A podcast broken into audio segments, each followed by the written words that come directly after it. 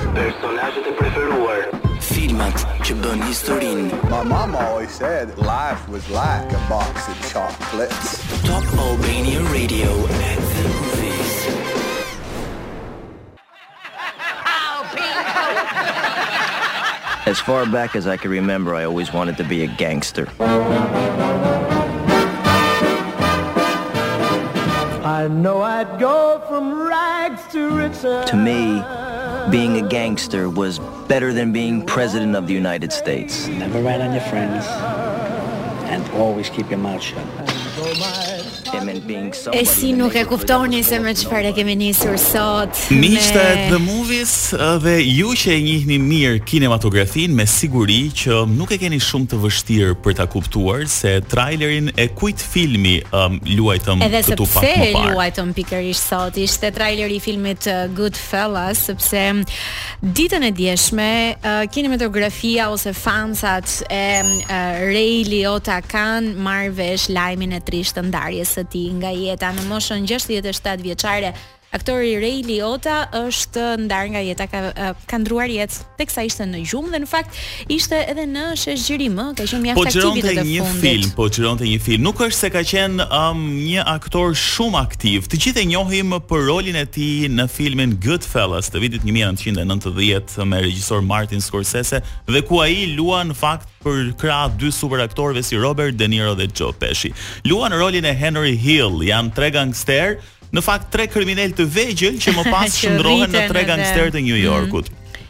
Goodfellas padyshim është një ndër filmat më të mirë të prodhuar ndonjëherë nga Hollivudi dhe vazhdon edhe sot të jetë një nga filmat që ka shënjuar historinë dhe absolutisht performanca e Ray Liottës aty është e shkëlqyeshme dhe më pas po themi ka luajtur edhe në disa filma uh, të tjerë si Field of Dreams në fakt The Many Saints of Newark edhe disa prodhime të tjera por që kulmin e karrierës e pati pikërisht me, me filmin me Goodfellas. Goodfellas. Ishte një lajm i trishtë edhe mm -hmm. pse mhm. vetëm një rol mbase që ne kemi fiksuar shumë. Mhm. Mm por pashë që shumë njerëz e kanë po, postuar pafund në rrjete sociale e njohin dhe mm, e duan shumë dhe ishte i ri 67 vjeç ende nuk ka një arsye se pse ai ndërroi jetë kaq herët, po gjithçka dimë deri tani është që ka ndërruar jetë në gjumë teksa po xhironte një film dhe duket se ka qenë një vdekje tërësisht natyrale.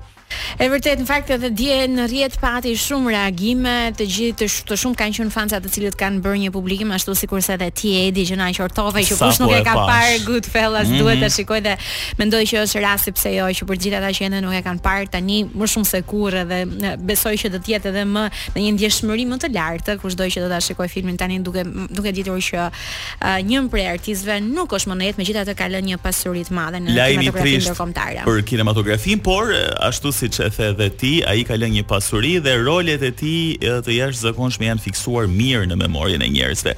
Përveç këtij lajmi të hidhur, kemi edhe lajme të mira. Ju të gjithë fansat e Stranger Things ka vetëm pak orë që është publikuar sezoni i katërt në Netflix. Unë jam ndër ata që mezi e kam pritur Dhe të them të drejtën kisha program sot se do ulesha për ta parë serinë e parë. Akoma nuk je ulur jo. Jo, jo po jo. s'kam jo. kohë. Nuk, nuk je nga ata që shikojnë filma? Sapo të mbaroj punën sot. Jo, jo, mëngjeseve mm. jo, po për Stranger Things edhe mund ta nisja vërtet. Një gjë shumë interesante rreth këtij sezonit të katërt mm -hmm. është se um, përbëhet nga 7 seri dhe sigurisht kjo është pjesa e parë do të ketë edhe një pjesë të dytë. Seritë janë shumë më të gjata nga ato çfarë kemi parë deri tani, janë rreth 1 orë e 30 minuta një seri. Do të kemi më shumë aksion, më shumë horror, shumë gjëra në Stranger Things. Ndërkohë pak më vonë ne do të flasim eh, edhe për festivalin e Kanës, do të jemi në lidhje me një prej pjesëmarrësve nga Shqipëria atje për të na treguar më shumë se çfarë ka ndodhur, por do të zbulojmë edhe një kuriozitet për um, emërtimin e çmimeve Oscar. Si ka si ka ardhur ky emërtim ishte në fakt një kuriozitet mjaft interesant që dua ta ndaj me ju të gjithë. Vetëm pas pak jemi me premierën që sapo ka ardhur në Cineplexx ditën e djeshme, ka qenë premiera dje pasdite Top Gun Maverick, jua prezantojmë vetëm pas pak sepse tani Do të ndalemi te kolona zanore e këtij filmi. I ain't worried. Këta kanë qenë One Republic, një prej kolonave zanore të Top Gunit më të fundit, Top Gun Maverick, i cili sapo ka ardhur në sallat e Cineplexx. Ndërkohë vetëm pas pak do të kemi edhe një tjetër kolonë zanore, por sot do të jemi përgjatë gjithë programit tonë me disa kolona zanore edhe të Top Gunit të vjetër. Top Gun i parë shënon në 1986 sërish me Tom Cruise-in Më të bukur se kurrë asokohe. E di, e di deri tani po më flisje se sa i bukur është Tom Cruise. Po nuk ka ndryshuar në kaq vite, domethënë është mbetet Unë mund ta them uh, që si aktor nuk është se më ka pëlqyer shumë ndonjëherë po, me thënë të drejtën. Ndërkohë, uh, pas mikrofonit më tha që e urrej. Mi mos i thuaj të gjitha tani. Uh, ka bërë shumë filma dhe padyshim është një um, një aktor uh, shumë i mirë për të gjithë të tjerët. Po, po, është mendimi im që mbase. Është vërtet, është është çështje shijesh dhe është rikthyer Top Gun rikthehet pas 36 viteve që nga shfaqja e parë e origjinalit në kinema në vitin 1986, ku aktualisht në fakt filmi ka marrë një vlerësim pozitiv nga kritika, ndërkohë sa i përket ngjarjes së filmit, Tom Cruise vjen në rolin e Pete Maverick Mitchell pas më shumë se 30 viteve shërbimi si një nga aviatorët më të mirë të marinës, është në vendin ku i takon duke i shtyrë kufijtë si një pilot i guximshëm testimi dhe duke shmangur avancimin në gradë që do ta ndalonte atë. Këtë herë ai vjen në rolin e trajnuesit për të diplomuarit në Top Gun në një mision të specializuar, të cilin asnjë pilot nuk e ka parë ndonjëherë. Mirëpo, në këtë trajnim do t'i duhet të përballet me një të ardhme të pasigurt dhe me fantazmat e së kaluarës së tij. Edhe në këtë Top Gun, Tom Cruise dhe Val Kilmer janë të vetmit aktorë që ripërsëritin rolin e tyre nga origjinali, ndërsa aktorët e tjerë që i janë bashkangjitur serisë së fundit janë Miles Teller, Jon Hamm dhe Jennifer Connelly. Miles Teller është një super aktor edhe në fakt një ndër arsyet pse unë do ta shikoj uh, Top Gun Maverick të vitit 2022 është edhe Miles Teller sepse e kam shumë qejf si aktor. Ngjarjet vendosen sigurisht në vijimësi të Top Gun-it të vitit 1986 dhe është cilësuar uh, ndoshta si rikthimi më i mirë i realizuar ndonjëherë. Shpeshherë kemi parë që filma të cilat rikthehen ose kanë një pjesë të dytë, vështirë uh, ta mund... tejkalojnë suksesin mm -hmm. e origjinalit ose të pjesës së parë. Ka ndodhur besoj që të parët po. të kanë pëlqyer gjithmonë shumë më shumë. Ose ndoshta edhe ajo seria e re shikohet për hir të të parës, edhe ndoshta për Edhe shpeshherë zhgënjehemi, por por ka ndodhur krejt e kundërta me Top Gun sepse kritika e ka cilësuar madje madje ndoshta më i mirë se sa Top Gun i vitit 1986. Kështu që fansat që e kanë parë serinë e parë me siguri do surprizohen. Aq më tepër që Val Kilmer uh, rikthehet sërish, një super aktor, regjisori Tony Scott është po i njëjti, Dhe uh, është aty edhe Tom Cruise, e duam apo s'e duam. E duam apo s'e duam. Dhe uh, një gjë shumë interesante ishte mm -hmm. që mhm. kritika kishte uh, dhe një këshillë që ai duhet të shikohet në ekranin sa më të madh të mundshëm. Kështu që o duhet ta shikoni në kinema ose mos e shikoni fare. Këtë këshillë e kam marrë dhe unë nga miqtë e mi, pak ditë më parë po bisedoja dhe më thanë që është Tej mase shumë i bukur edhe shijon po, shumë në sallat e kinemas. Po sepse ka edhe këto skenat e fluturimit masiv, ajo zhurma e avionëve, domethënë mm. ka vetëm hapësirë dhe ti kur je në një ekran kaq të madh, duket sikur edhe, edhe ti në një farë mënyrë po fluturon, ëh, je në hapësirë. Dhe kjo është një ndër arsyet kryesore pse duhet ta shikojmë në ekranin e madh. Por sigurisht filma edhe tituj kaq të mëdhenj tërheqin edhe vëmendjen e të gjithë fansave ose edhe atyre të cilët kanë një kuriozitet dhe të shumta kanë qenë pyetjet që janë bërë rreth Top Gun dhe ne do të zbulojmë disa prej tyre, disa që kanë qenë më pikantet le të themi. Çfarë do të thotë Top Gun? Top Gun është një kurs për aviatorë dhe është një kurs real. Emri i vërtetë i të cilit është Navy Strike Fighter Tactics Instructor. Pra është një kurs, se shpesh herë njerëzit e kanë ngatërruar me një shkollë, nuk është një shkollë e mirëfilltë. Është mm -hmm. një mhm. kurs parapërgatitor për pilotë që më pas i nënshtrohen po themi gjithë shkollave dhe niveleve të tjera derisa bëhen pilotë profesionistë. Kështu që Top Gun ekziston me vërtet, me të vërtetë në Shtetet e Bashkuara të Amerikës. Tani ne e thamë që është vazhdimi i Top Gun 1-shit, po pyetja që më lind mua është, a mund të shikohet dyshi pa parë njëshin Edi? Mund të shikohet sepse uh, kjo është një histori e veçuar. Në Top Gun të vitit 1986, piloti kryesor Maverick uh, po themi është në kulmin e karrierës së tij, është shumë i ri e gjen veten uh, në një lidhje dashurie, në një romancë me instruktorin e tij Charlie, kurse këtu po themi është zhvendosur komplet gjëja pas 30 vitesh dhe pothuaj nis një gjë e re. Pavarësisht se ai përballet me fantazmat e të kaluarës, po nuk është shumë e vështirë për ta kuptuar, kështu që mund ta shikoni edhe nëse edhe nuk e keni parë. Edhe dyshin, okay. Ehm, um, çfarë avioni nget Maverick në Top Gun 2? Ë këtu më ke prekur në tela, uh, modestisht e them që un jam një njohës shumë i mirë i avionëve luftarak. Mm. E kam shumë pasion, kam parë me qindra dokumentar dhe kam lexuar për ta. Kështu që um, Tom Cruise nget një F-35, është gjenerata e fundit e avionëve luftarak amerikan, është një um, single jet që quhen mm -hmm. këta ka vetëm një motor edhe një ulëse. Dhe është një ndër avionët, um, po themi më të mirë që kanë prodhuar Shtetet e Bashkuara të Amerikës, janë edhe për vrojtim, janë për sulm, janë edhe për transportim, po themi të armëve, i luajnë të gjitha rolet dhe uh, këtë avion Shtetet e Bashkuara të Amerikës e kanë shpërndarë në disa shtete. Franca përdor Eurofighter Typhoon,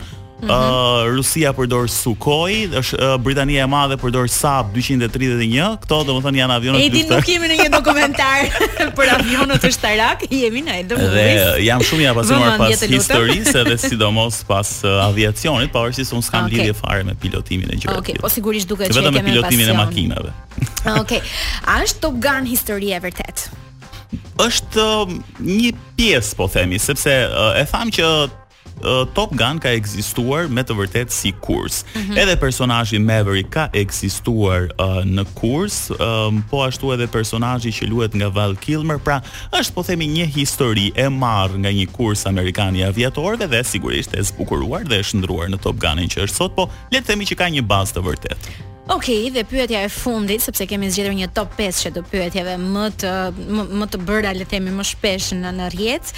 Um, a nget Tom Cruise realisht një avion në 1986? Kjo është një ndër pyetjet më të shumta që bëhen në rrjet, është e vërtet, nuk është se uh, filmi është bërë në 3D apo i animuar me grafika ku di un se çfarë, ai me të vërtet uh, ka ngarë një avion real. pas shumë e shumë tentativave dhe sigurisht me një instruktor nga mbrapa dhe është shprehur Tom Cruise se ka qenë një ndër gjërat më të bukura të jetës së tij. Madje sot ai ka patent për të pilotuar jo një avion luftarak, por disa aviona të, të kategorisë më të vogël. Mm -hmm. Okej. Okay. Mirë, Top Gun edhe shumë tituj të tjerë ju i gjeni të gjithë listën në aplikacionin Cineplex AL, të cilën duhet ta keni në telefonin po, tuaj me patjetër. Po, edhe një gjë të fundit, se po tregoja foton qëparë, ata pa. të Cineplexit po themi kishin bërë një themed party me Top Gun, se kishin bërë gotat me logot e Top Gun, me avion të vegjël, kokoshkat po ashtu. Kështu që kur të shkoni do të gjeni një atmosferë të vërtetë të, të Top Gun. Ndoshta do të bëni edhe një xhiro me një F35.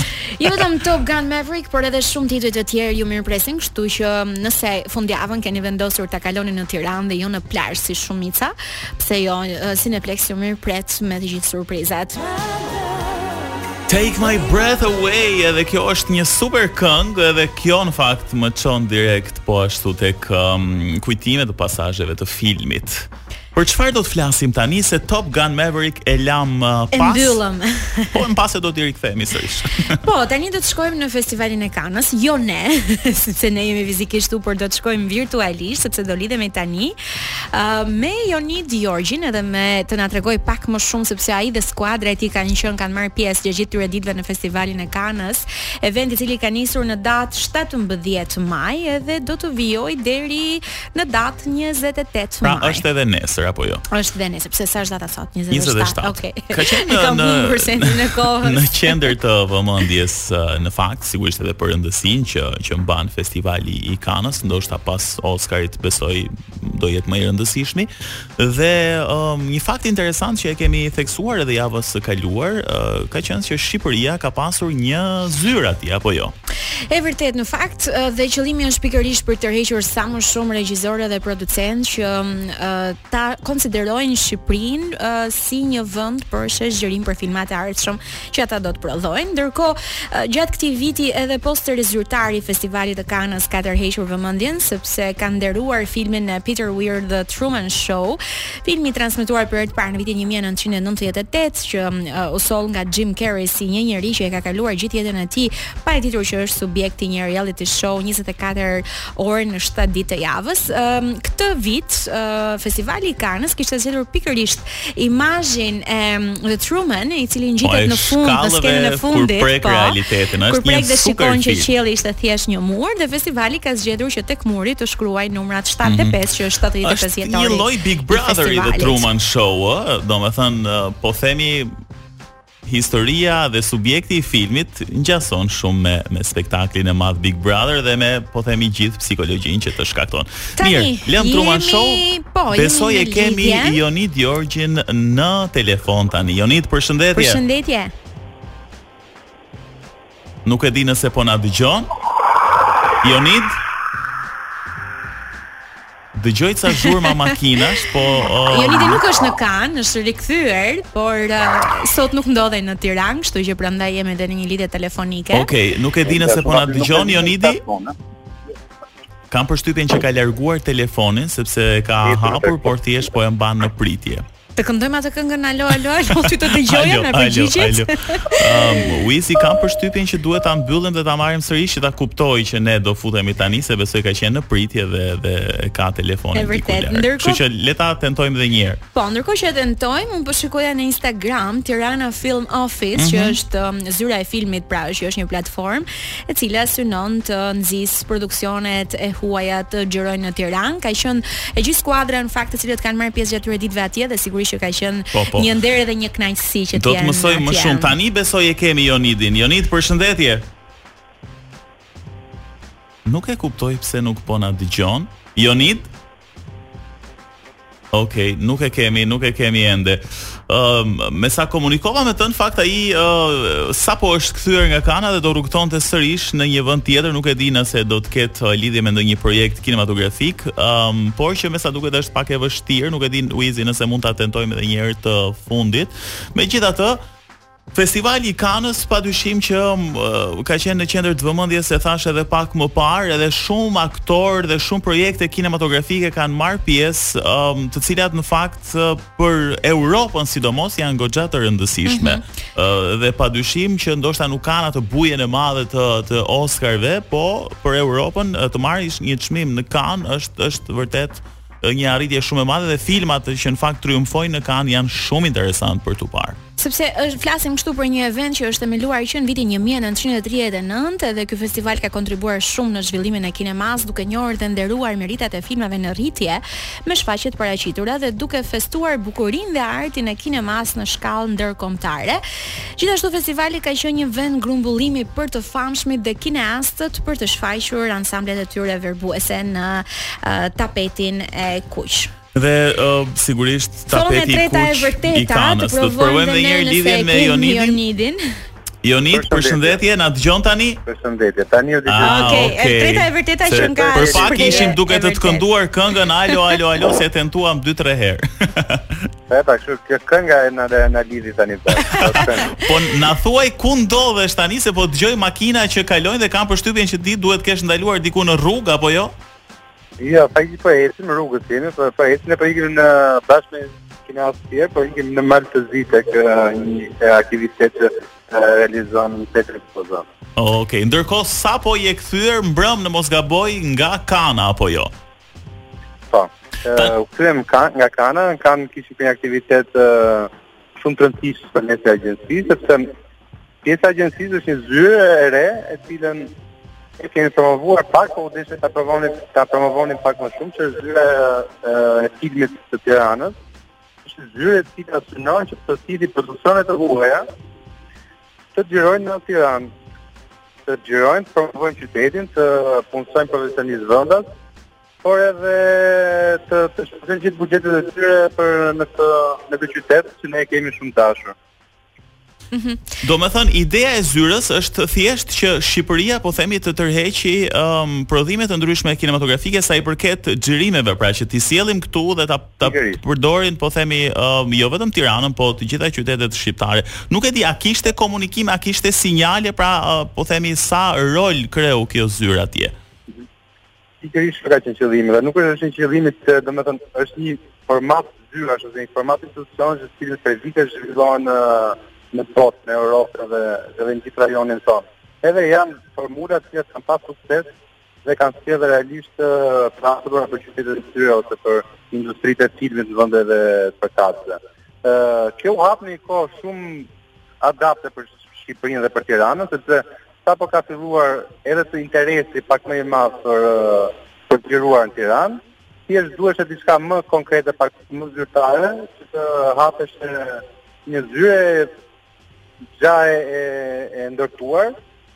Për të për ta krijuar këtë ndërmjetësim me me produksione të ndryshëm të huaj.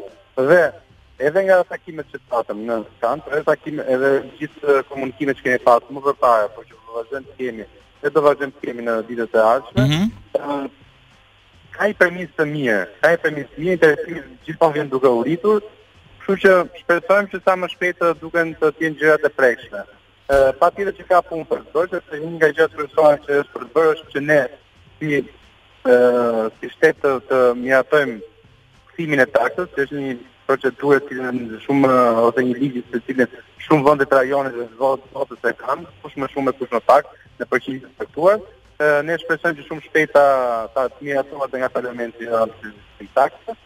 dhe momentin që të gjitha këto kushte janë pjekur, atëherë presim që dhe dhe grupe të ndryshme xhirimi, produksione të vogla por dhe të mëdha që mund të jenë produksione filmash independent, por dhe seriale pak më të njohur nga studiot e mëdha, të vijnë edhe të bujtin në Tiranë për të Sa pas të xhirimit dhe të dhe të energjisë.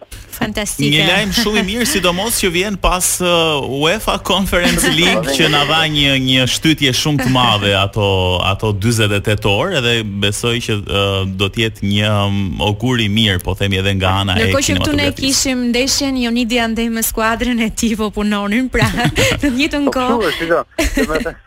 Çdo gjë është ndeshje, është luftë, domethënë Pas suksesi për të aty ku duam ta çojmë qytetin, të çojmë njerëzit e këtij qytetit, është diku, diku zhvillohet ndeshja në Tiranë për të sjellë UEFA-n, diku ta zhvillojmë diku tjetër për të sjellë kinematografinë, diku tjetër një ndeshje tjetër pak më e madhe për të sjellë për ta çuar Shqipërinë më afër Europës, kështu që Të gjithë ndeshje janë në fund të fundit. Vërtet. Po po. Jonid, me sa kemi parë postimet nëpër Instagram edhe ju shkëlqyet, ne po shikonim stafin, punonit dhe ishit aktive edhe në rrjetet sociale duke na transmetuar të gjithë punën që po bënit atje. A pati ndonjë takim interesant, ndoshta edhe me shqiptarë të tjerë apo me aktorë, me regjisorë të famshëm që do donit që ta ta ndanit me ne. Çfarë bëhej në Kanë me pak fjalë? Pati një shkëputje ndoshta, më duhet të përsëris pyetjen? Okej, ë mbase duke qenë se Jonidi është në rrugëtim, Është rrugës. ëm, e kemi e kemi edhe të vështirë edhe për shkak të valeve. Megjithatë, ideja është shumë e mirë, shpresojmë që e gjithë kjo punë ë, e kësaj zyre që u vendos në Kanë për disa ditë të sjelli frytet e para dhe të kemi filma independent, pse jo, europian edhe hollywoodianë që do të vijnë ta shfrytëzojnë Shqipërinë të bukurën Shqipëri se kemi vërtet lokacione shumë të mira për të xhiruar filma dhe jo vetëm apo jo. E vërtetë në fakt edhe do të jemi me Jonidin, jemi? Jo, nuk jemi do okay. me Jonidin, megjithatë besoj uh, uh, mos ta tentojmë më Wizi sepse kryesorja, pikërisht vërtet. ajo ajo çfarë na interesoi më tepër e kishim, e kishim për rolin që luajti kjo zyrë, i urojmë Jonidit rrugëtim të mbarë dhe mos ta shqetësojmë më sepse me siguri do të jetë edhe uh, kjo pjesa uh, e valëve që na krijon uh, shkëputje herë pas here. Ndërkohë, po ju thoja pak më parë, meqenëse jemi në këtë atmosferën e festivaleve të rëndësishme um, që i dedikohen kinematografisë, Edi, ke ndonjë ide se si ka lindur emërtimi i çmimeve Oscar ose se çfarë thashethemesh ka vërdallë? Ke ndonjë ide, ke jo, dëgjuar, ke lexuar? Kam lexuar paksa, ka shumë, tani ka shumë teori, po themi nga ato të fillimit se çfarë është tamam tamam Oscar, po ti më the që paska dalë një gjë e re dhe unë po, ka ka ca thashetheme vërdallë. Në fakt kinemaja lindi zyrtarisht më 28 dhjetor 1895 me shfaqjen e parë nga vëllezërit Lumière në Grand Café në bulevardin des Capucines në Paris. Ndërsa, Oscar, çmimi i Akademisë, çmimi më i rëndësishëm dhe më i vjetër kinematografik, është rreth tridhjetë vjet më i ri. Ishte viti një mijë e nëntëqind e njëzet e shtatë, kur eksponentët e industrisë së filmit amerikan, regjisorë, shkrimtarë, producentë, aktorë, themeluan Akademinë e Arteve dhe Shkencës së Kinemasë. Në inaugurim u propozua një çmim vjetor për filmin, regjisorin dhe aktorin më të mirë, i cili megjithatë nuk përbëhej nga kupa e zakon. zakonshme. Kështu, një drejtor i Akademisë, Cedric Gibbons, vizatoi në mbulesë tavoline një statujë që mbante një shpatë në gjoks, realizimi iu besua skulptorit George Stanley. Thuhet se në ceremoninë e parë të ndarjes së çmimeve në vitin 1927, duke parë statujën e artë, një sekretare e Akademisë, Margaret Herrick, bërtiti Ai duket si xhaxhai im Oscar. Ah, okay. Dhe kështu u la që çmimet të pra, vinin me këtë emër. Pra, e gjithë kjo gjullurdia e madhe e bëhet vetëm për nder të një xhaxhai. Të një xhaxhai të një prej. Të një prej stafit. asistenteve të stafit të vëllezërve Lumière. Ja që ndodh edhe kështu, nuk e dimë sa e vërtetë është në fakt, sepse mund të ketë janë gjithmonë. Po mi, po tani ka rastisur që e ka pa, e ka pasur emrin Oscar dhe tani Po nuk besoj që do jetë bërë për nder të atij, të Oscarit. Mirë, kemi se Wizi po na lajmëron për minutazhin në zbritje, po ne kemi për të shpallur edhe, edhe fituesin mm. Um, e kuicit të javës që po lëmë pas. Um, kemi publikuar një foto edhe kemi zbuluar vetëm sytë e një aktori shumë interesant Dhe përgjigjen e saktë e ka gjetur Vangjel Dino Guy Pierce është mm. aktori që ne kishim publikuar. Këtu ka pasur shumë përgjigje të ndryshme, Jason Bateman, Paul Bettany, Ewan McGregor, Chris Pratt, Tom Cruise, Pra s'ka qenë i vështirë ky quiz. Edhe më vjen mirë që komentuesit janë janë aktive dhe japin të gjitha alternativa të ndryshme, është gjë e mirë në fakt që dikush ka komentuar dhe Elton Musk. Elton Musk. Kush është ky? Olsi, Olsi. Një një aktor kështu në në në horizont. Vangjelin Mirë. do ta lajmërojmë nëpërmjet rrjeteve sociale dhe mund të shikojë Top Gun tashmë që ka dy bileta për nesër. Vetëm pas pak rrini gati sepse në Instagramin e Top Albania Radios do të vijë një tjetër quiz. Ndërkohë ju i dini të gjitha mënyrat ku mund të na ndiqni vetëm programin tonë, por edhe shumë programe të tjera. Ne jemi në YouTube, jemi në podcast gjithandej. Ku jemi tjetër edhe? Jemi edhe në, në aplikacionin e Top Albania po, Radios. Po, edhe Sigurisht, programet që i humbisni mund t'i shikoni në YouTube, por mund mund të na dëgjoni dhe ritransmetim të dielën. Kështu që është e pamundur uh, që të na humbisni. Për të gjithë ju që jeni nisur tashmë drejt jugut, drejt plazhit, kalofshi një super fundjavë dhe mos e humbisni rrugëtimin tuaj me një këngë për ty që vjen vetëm pas